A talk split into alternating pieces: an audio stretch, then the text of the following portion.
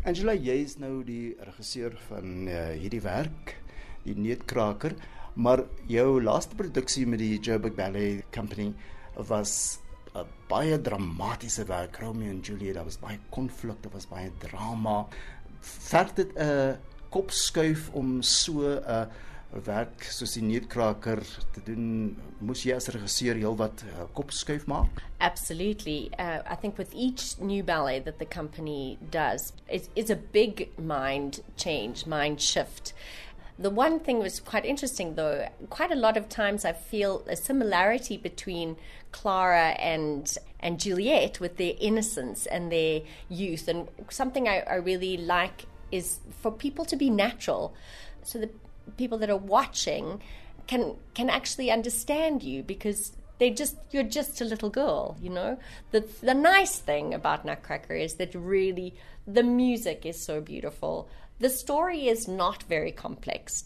She falls asleep, she has a dream.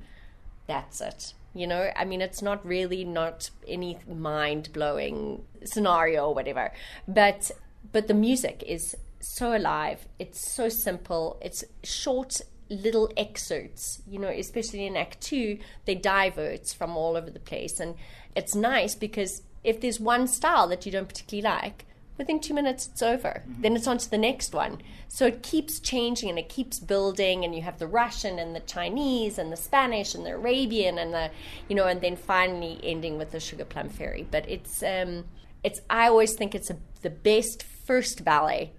To, if you haven't ever seen ballet before, come to the Nutcracker. It's just it's so lively and it's it's nice. It's entertaining and it's easy. Mm. Ons praat net eintlik van die musiek van Tchaikovsky, dis een van sy bekendste balletsuites wat hy gekomponeer het en soos jy nou verduidelik het, dit is vir jou makliker om die koreografie daarop te doen aangesien dit uh, aangenaam is op die oor. Die verhaal self is natuurlik 'n uh, eh, E.T.A. Hofman se uh, verhaal wat hy vir sy kind destyds geskryf het, eintlik 'n kort verhaal en toe Petipa gekom en hy het 'n ballet daarop gebaseer. Gebruik jy die Petipa weergawe of, of het jy enigstens verander? I do the major pas de deux, the grand pas de deux that is done between the Sugar Plum Fairy and her Cavalier is pretty traditional uh, after Petipa. But the rest of the ballet I have choreographed from from scratch, from beginning. So, because the music is so familiar, it's very difficult because we do so many performances of Nutcracker a year, and the music and the steps of the previous productions are ingrained mm. in you. So then now you have the music, the same music, and you automatically want to do the same steps because it's the muscle memory is there. And now you have to look at the music and listen to the music in a different way and have new steps and new feelings and new interpretation of the music. So it's not easier in a way because it's so well known. It's harder. For instance, there's always Nutcracker playing in the shops, and you walk in anywhere and Nutcracker's playing. And as soon as I walk in and I hear the music, I can tell you exactly where we are in the ballet, who's doing what, what step they're on, where the. so for me, it, the the music has taken on a whole new life because I've had to wipe out all the previous things and start with a blank canvas, which is really I've been very privileged to be able to do that actually. En, en om iets so nuuts te skep, dit gee vir jou seker geweldig baie kom ons gebruik maar die woord oomf om kreatief te wees. Absolutely. There's certain aspects of the ballet that I am I love that I'm super excited about. One is the Arabian dance, and the other one is the Russian dance. I just, and then we've been very fortunate. I actually choreographed it on on Alice, I think the the shepherdess, and we have five little kids from the Joburg Ballet School and from the Carstens Island Ballet School doing the little lambs. So we've got five little lambs and then the shepherdess. So it's really, yeah, it's just engaging and it's fun. Uh, Alice, kom ons beweeg nou na jou toe. Jy dans die rol van Clara. Maar dit is nogal 'n uitdaging om so 'n rol te vertolk. Uh, hoe het jy dit ondervind? Definitief, dis 'n groot uitdaging. Clara is 'n jong meisie van omtrent so 10 of 12. Ek is heel wat ouer, so dit is moeilik om te vertolk. Tegnies is dit nie die moeilikste rol wat jy kry nie, maar dit is moeilik in terme van ek het soveel al beleef in my lewe, dink ek.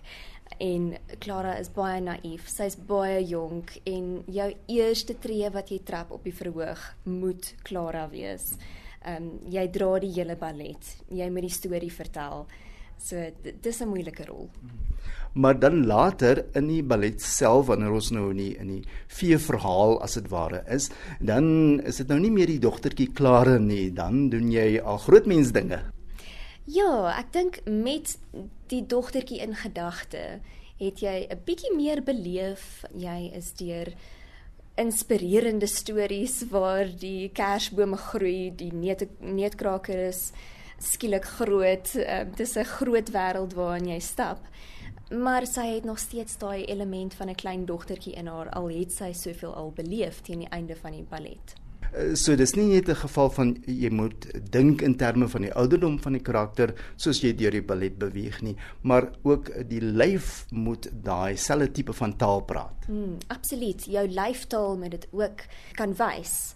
So dis dis redelik moeilik. Jy's vol energie. Jy moet 'n klein dogtertjie wees en miskien het ek nie meer daai energie op hierdie ouderdom nie. Maar dit is ehm, 'n um, redelike energieke rol ook. Ja. Ons praat nou so van later wanneer jy nou 'n volwasse persoon is as dit ware op die verhoog dan dans jy met die prins en wie is jou dansmaat en het julle al voorheen saamgewerk? My dansmaat is Bruno Miranda. Hy het al saam met my gewerk. Ons het in Romeo and Juliet het ons ook saam uh, gedans en hy was my Romeo. So ek het al heelwat saam met hom gedans. Ons is heelwat gewoond aan mekaar. Hy weet hoe ek beweeg, hy weet hoe ek reageer op um, sekere spronge of draaie. So dit is vir my regtig gemaklik om met hom te werk en ons ken mekaar so goed. Angela om terug te kom na jou toe. Die verhoog is redelik aktief. Daar's baie kleur, daar's baie beligting, die musiek is daar om te geniet en dis 'n groot geselskap. Dikwels word kinders gebruik om om deel van die inkleding te doen. Is dit ook die geval uh, so by Nutcracker? Yes, it is. So uh, with uh, with my Nutcracker, we do. We have, I think it's eleven children in total. They make up a large portion, a large percentage of, of the energy that that goes on in the specifically in the party scene, which is the first opening scene, and the kids are very excited. It's Christmas Eve, and they're waiting to for the Christmas tree to be lit. As soon as the Christmas tree is lit, the children are allowed to come into the room, and then they're handed their presents. So it's really a a journey for them. Try to really bring life and energy to to the ballet and to keep that energy the kids always make it so wonderful you know en dan is daar natuurlik ook die muise yes uh, there are the mice but in in my production the mice are actually Joburg Ballet Academy members, and they dance on point and they do proper partnering with the company soldiers. So uh, I don't have little mice. I have lambs in the second act, but we don't have little mice. We have real big dancing mice. yeah. Grown up mice. yeah. More grown up mice. Ja. Uh, jy het effe genoem die verskillende danse wat in die ballet voorkom, Russiese, Arabiese ensovoorts.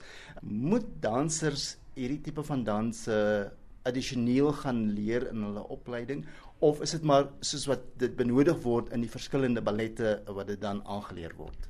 No, so what what happens is you know, the music is so stylized. You can hear what country it's from or where it's from by the music and the feeling of it. So you're going to portray a Russian dance in a very different way.